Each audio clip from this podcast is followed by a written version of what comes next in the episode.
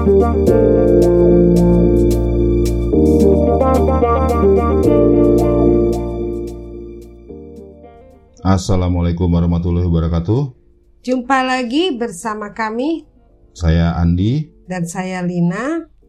di podcast. Nah, itu adalah nah itu sebelumnya mohon maaf dulu nih karena harusnya kita sudah publish di hari Rabu kemarin tapi terpaksa tertunda karena ada sedikit gangguan kesehatan di kami. Jadi kami terpaksa mundur dan baru bisa sekarang kita publish. Oke, biar biar cepat aja deh, biar nggak kita nggak bertele-tele lagi. Kita mau sekali ini mau bahas apa nih, Bu? Eh, Nong? Kali ini kita mau bahas apa ya? nah, eh, gini nih, pasti eh, teman-teman nih banyak yang udah tahu ya soal asuransi kesehatan nih. Tapi apakah banyak yang tahu bahwa ada produk asuransi yang dibuat khusus untuk pemberi pertanggungan pada penyakit kritis? Nah, itu adalah topik bahasan kami kali ini yaitu tentang perlindungan kondisi kritis. Karena berbeda dengan asuransi kesehatan nih yang menanggung sebagian atau seluruh biaya rumah sakit, perlindungan kondisi kritis ini akan membantu kita pada saat terjadi risiko yang menyebabkan kondisi keuangan terganggu. Misalnya karena kehilangan kemampuan mendapat penghasilan. Mm-mm. Ada banyak sih jenisnya perlindungan kondisi kritis yang tersedia. Di mana masing-masing tuh punya cakupan dan karakteristik perlindungan yang berbeda Ya. nih. Mm. Nah, mana yang cocok untuk Anda, mana yang cocok untuk keluarga Anda? Di sini saya Lina dan eh, suami saya Andi akan membahasnya satu persatu. Nah. Nah, eh, Nut, berbicara tentang perlindungan kondisi kritis nih. Sebenarnya yang paling basic dulu deh, pengertiannya tuh apa sih? Pemahaman dari perlindungan kondisi kritis itu apa? Nah ini jadi biasanya orang kalau udah ngomong asuransi eh, kesehatan biasanya udah tahu ya asuransi kesehatan tuh biasanya apa gitu. Biasanya itu kan pertanggungan rumah sakit. Mm-mm. Jadi kalau kita sakit, kita dirawat di rumah sakit, kita ditanggung biaya perawatannya bisa bisa dibayarin semua, bisa enggak. Tapi yang umum sekarang sih udah dibayarin semua ya, semua tagi sesuai tagihan. Kayaknya Iya. kalau masih nggak sesuai tagihan kayaknya aneh ya zaman sekarang gitu. kalau Nggak tahu deh masih ada apa enggak sih kalau asuransi kayak gitu? ada sih kayaknya ada tapi kalau yang masih pakai gitu kalau kalau saya sih saya sih lebih milih yang udah aja deh dibayarin semuanya Iya, udah udah nggak usah mikir sesuai gitu tagihan loh. gitu kan. Nah, itu. Nah, itu itu itu untuk asuransi kesehatan. Nah, sementara kalau asuransi apa pelindungan kondisi kritis itu beda. Itu orang suka salah tuh, suka suka suka apa namanya? eh, mengira bahwa kalau misalnya udah punya as- asuransi kesehatan, udah Mm. nggak perlu lagi punya perlindungan kondisi kritis karena Iya, iya, iya, ah buat betul, apa betul. udah udah bisa kok di, di cover. Ya itu itu da- dari sisi perawatannya, tapi kita kan melihat ada hal-hal lain ya di luar setelah kita Mm-mm. ini namanya kondisi kritis. Kalau ada kondisi kritis berarti ada kemungkinan ya itu tadi yang tadi dibilang ya kita kehilangan apa peluang untuk memperoleh penghasilan, kita udah nggak bisa produktif lagi. Betul. Nah ini diberikan dalam bentuk santunan. Jadi santunan itu dalam bentuk uang cash.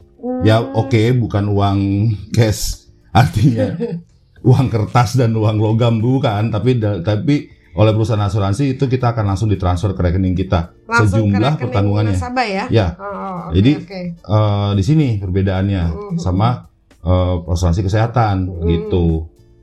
Oh gitu. Jadi bukan sistemnya kalau asuransi kesehatan kan masih ada yang kayak reimburse atau apa gitu. Nah ini enggak ya. Jadi Ini enggak. bentuknya cash ditransfer langsung ke rekening nasabah. Mm-mm. Itu berbeda tuh sama ini ya. Jadi beda ya sama asuransi kesehatan. Jadi orang tuh memungkinkan untuk punya asuransi kesehatan dan punya ini juga Oh gitu. itu sebaiknya karena ini sifatnya komplement walaupun oh dia gitu. jadi sifatnya itu melengkapi. Jadi kon- Mhm. perlindungan kondisi kritis ini melengkapi gitu Oke, ya. jadi nggak nggak mesti salah satu ya. Mm-mm. Oh gitu ya.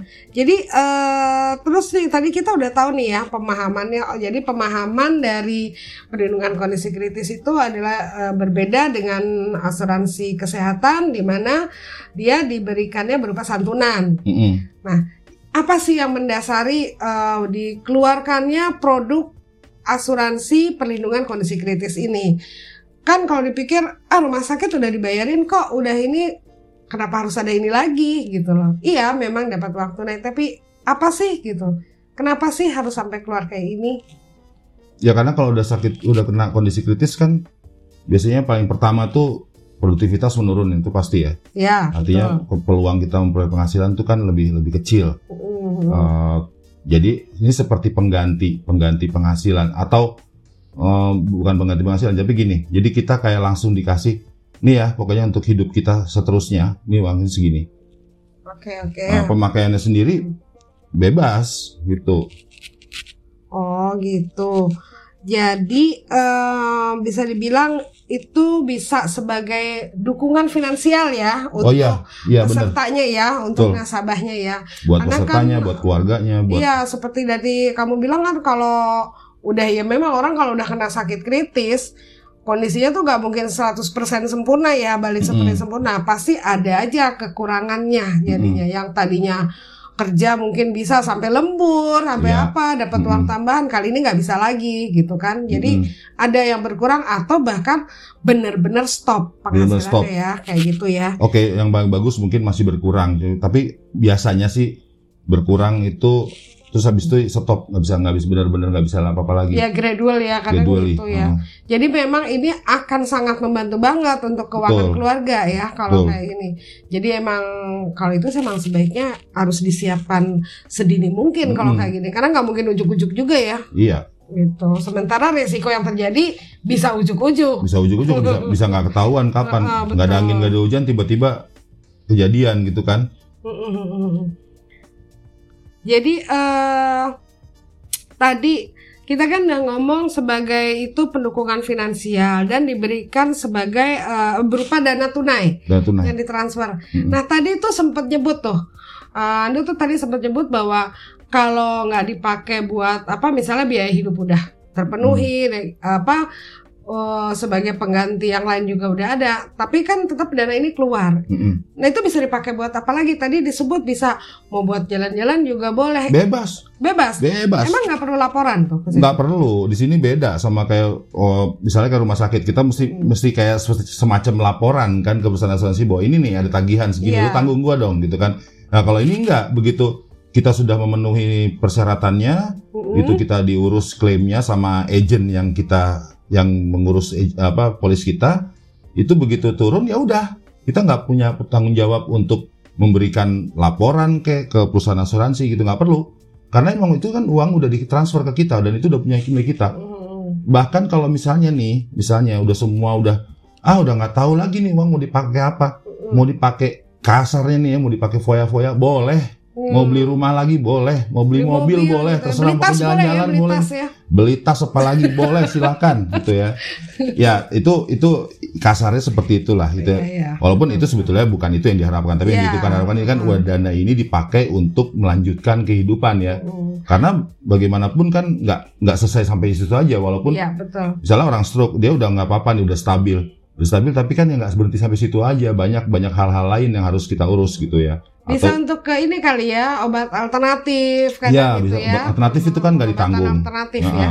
alternatif itu kan nggak ditanggung Iya, jadi betul. ya udah kalau misalnya kita mau uh, berobat alternatif bisa dipakai Mhm. ya kadang-kadang alternatif itu kan misalnya jauh-jauh nih luar kota mungkin perlu buat transportnya buat akomodasi di sana Mhm. banyak lah hal yang bisa dipakai untuk dari situ Kayak itu juga ya kalau orang udah pasang ring ya jantung ya. Udah memang sih secara apa kayak aktivitas dia bisa seperti sedia kala gitu. Bebas kan Mm-mm. masih sama lah, hampir sama lah. Tapi itu harus ditunjang dengan obat-obatan yang Obat-obatan. dikonsumsi rutin setiap hari. Mm-mm. hanya untuk maintain itu ya Iya untuk maintain ya. itu uh, Hmm. mahal itu Mahal ya mahal. Kita eh, ada data terakhir itu yang kita tahu kurang lebih sebulan ada yang sampai 3 juta ya. 3 juta, Yang 4 juta lah itu untuk untuk itu untuk obat doang. maintain doang tuh. Kalau udah udah kena jantung, pasang ring, ya Hmm. udah jantung pasang ring itu termasuk kondisi kritis ya. Karena kan emang emang bisa setiap saat pada kalau Iya. salah penanganan dia bisa lewat. Nah itu itu mahal tuh obatnya. Ya itu dan itu harus rutin gitu Mm-mm, kan. dan itu rutin. Hmm. Nah tadi kan dibilang dana tunai yang ditransfer ke ini nasabah itu itu bisa untuk uh, melangsungkan kehidupan Mm-mm. buat buat apa dan yang lain-lain lah. Jadi dengan kata lain bisa dibilang ini bagus untuk eh, ini ya pesertanya orang-orang yang menjadi tulang punggung keluarga ya. Oh iya, betul. Mencari nafkah Mencari utama nafkah ya. utama. Iya. Karena kan eh, kalau kita lihat atau yang penghasilannya misalnya kan kalau dalam satu keluarga ada, ada yang bekerja dua-duanya nih Mm. suami istri Yang lebih besar. yang lebih besar ya. Pak. Jadi nggak mesti kepala keluarga Nggak ya. mesti kepala keluarga. Oh, Pokoknya yang oke. punya penghasilan lebih besar itu yang didahulukan Hmm. untuk punya ini. Atau orang tua bisa juga kali ya. Orang tua bisa juga. Iya kan beresiko. Mm-mm. Oke.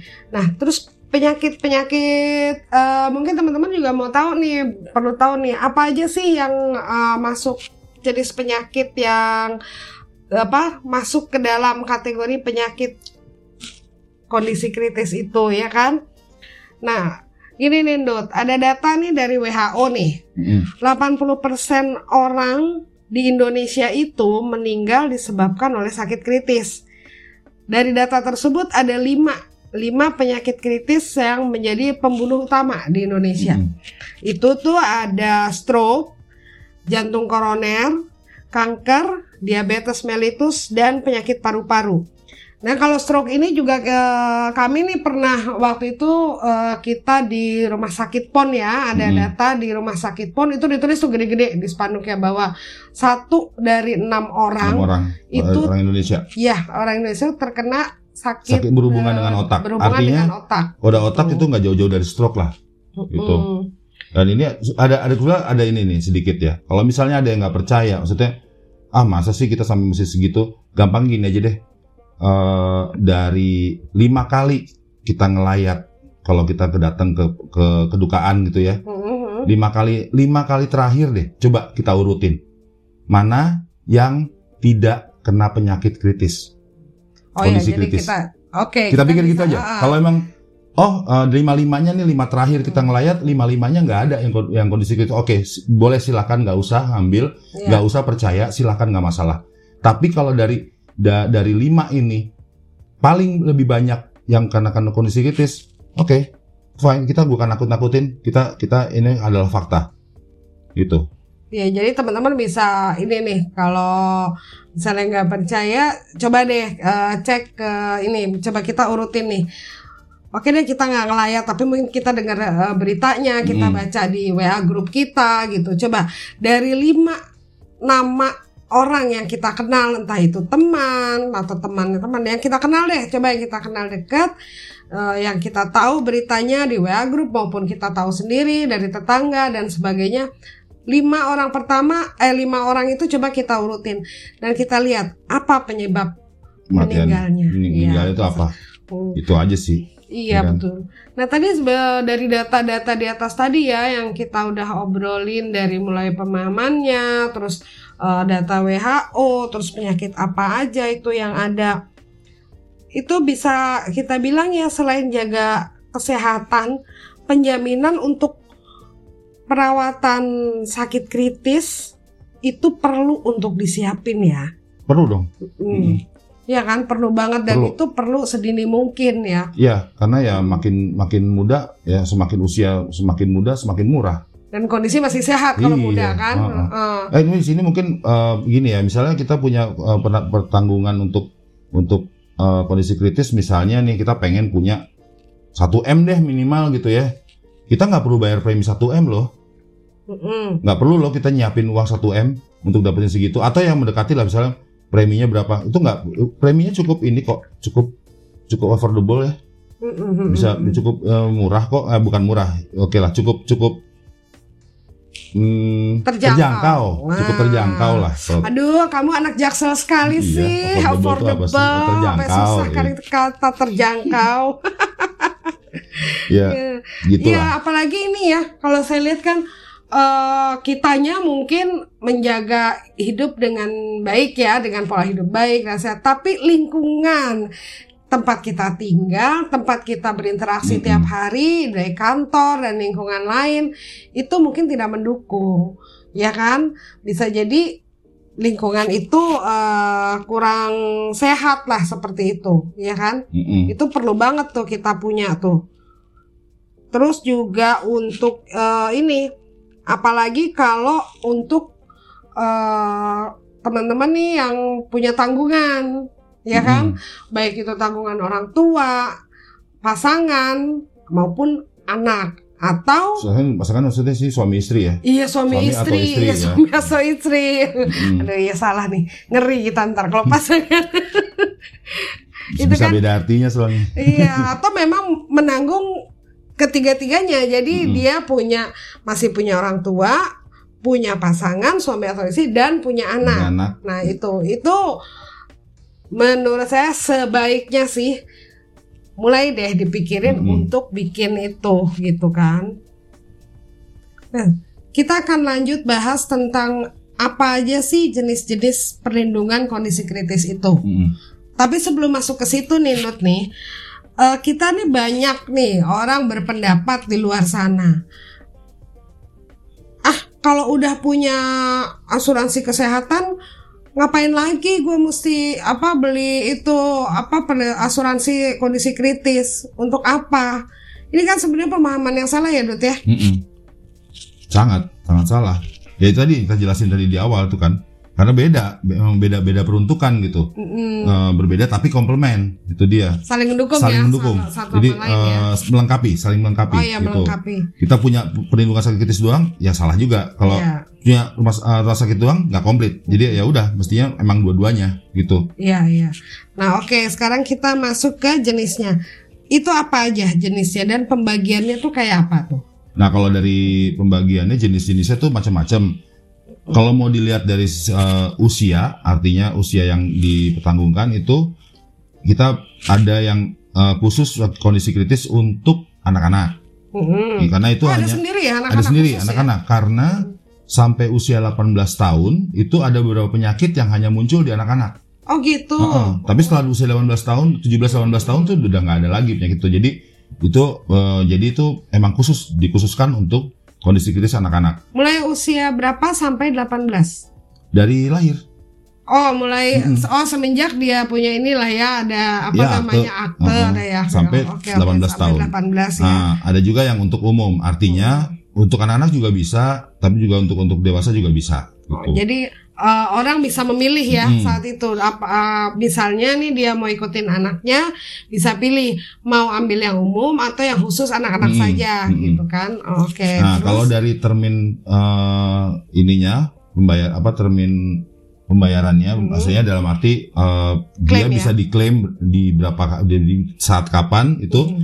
ada yang bisa eh, mengikuti dari apa namanya tahapan penyakitnya dari mulai tahapan yang awal masih awal banget kalau misalnya cancer kayak saat baru stadium 1 gitu ya Oh ya tingkatan Heeh. ini ya. itu bisa udah langsung sakitnya. ah, udah Oke. langsung bisa keluar pertanggungannya Hmm. walaupun cuman uh, 50%. Kemudian juga ada yang mulai dari tahap menengah sampai ada yang tahap akhir. Hmm. Nah, ada juga yang benar-benar di tahap akhir. Jadi hanya tahap akhir aja. Jadi nah, ini kalau yang paling masih sering di sih sebetulnya. awal misalnya kayak misalnya cancer deh ya yang Mm. kita tahu ada tahapannya tuh gampang itunya. Kalau masih di stadium 1 2 nggak dapet tuh. nggak bisa. Kalau yang hanya di tahap akhir aja Iya. nggak dapat, Oh. nggak bisa keluar. Tapi kalau yang pakai tahapan itu bisa, walaupun cuma 50% gitu. Kalau yang tahapan akhir itu dia berapa langsung tuh? Jadi langsung 100% Langsung full 100% ya. Oh, oke. dikasih. Nah gitu. Biasanya kan orang-orang suka gini baru baru baru tahapan awal tuh biasanya belum ngerasa sakit ya. Kayak cancer baru stadium 1 belum ngerasa. Bahkan dia belum jangan-jangan belum ke dokter sama sekali gitu ya. Biasanya Mhm. itu juga kalau ketahuan juga nggak sengaja biasanya. Tapi ya ini bagusnya ini walaupun kayak gitu tetap di- di- diberikan walaupun cuma 50% gitu. Nanti kalau dia meningkat penyakitnya baru keluar yang sisanya Hmm. gitu. Jadi untuk membeli atau memiliki asuransi uh, kondisi kritis ini kita tuh diberi pilihan ya kan, uh, teman-teman tuh bisa milih mau berdasarkan usia atau berdasarkan uh, apa? Termin. Termin klaimnya, Termin termin, klaimnya. pembayarannya itu ya, pembayaran uh, pencairan, ini Pencairan tanggungannya, tanggungannya. ya kan? Nah, sekarang ada juga tuh yang yang makin makin baru lagi sekarang. Dia bahkan penyakit yang belum ada gini gini, sorry sorry. Jadi gini, kalau di yang sebelumnya itu penyakitnya disebutin tuh ada sekian sekian penyakit, sekian penyakit gitu kan. Mm-mm. Yang di Tapakir aja tuh ada 61 jenis penyakit. Terus yang Mm, yo, yang iya. bertahap itu Iya, ada 112 jenis Iya. penyakit. Nah, sementara di antar perusahaan asuransi saling berlomba-lomba nih. Iya. Wah, Padahal sebenarnya penyakitnya yang bertanggung sih itu, aja. Ah. Eh, cuman terus maka, eh, perkembangannya kan dari dari WHO sendiri penyakit kritis itu berkembang terus banyak gitu Iya. ya. Akhirnya juga susah juga kalau misalnya kita tiap kali harus update eh, produk gitu ya. Mhm. Jadi akhirnya keluar produk yang eh, bahkan penyakit itu belum ter- terdeteksi, belum belum ada, nah, belum ketahuan nih namanya belum ketahuan apa namanya ini, apa, ah. udah ditanggung. Oh gitu. Itu Ah. gimana gimana? Eh, jadi pada saat apa mungkin teman-teman harus tahu nih. Jadi pada saat gimana nih bisa keluar pertanggungannya sementara kan penyakitnya aja belum ketahuan. Ya, gitu walaupun kan. ada ada ada beberapa persyaratannya ya, tapi yang gampang gini aja. ya istilahnya kondisinya Iya, harus Yang gimana? gampang gini aja, ada ada dua, ada dua jenis. Yang satu itu eh, bahkan cuman eh, cukup enam eh, hari berada di ICU, pertanggungan sudah keluar. Oh itu. Yang satu lagi itu perlu 9 hari, gitu 9 hari di ICU baru dia keluar. Ya, sekarang tinggal milih aja sih. Itu ada ada persyaratan lainnya sih, tapi itu yang paling gampang begitu. Jadi pilihan plannya lah Ah, ah. istilahnya. Soalnya itu gini ya. kan. Orang kalau udah masuk ICU itu biasanya kritis kan. Iyalah. Mana ada orang yang yang sehat-sehat bugar ketawa ketawa apa segar bugar ketawa Iya. ketawa-ketawa masuk ICU nggak ada gitu. Tapi bagus sih kayak gitu ya karena gini ya walaupun cuman diare saja diare saja kalau kalau gawat kan bisa ke ICU juga loh Mm-mm. gitu.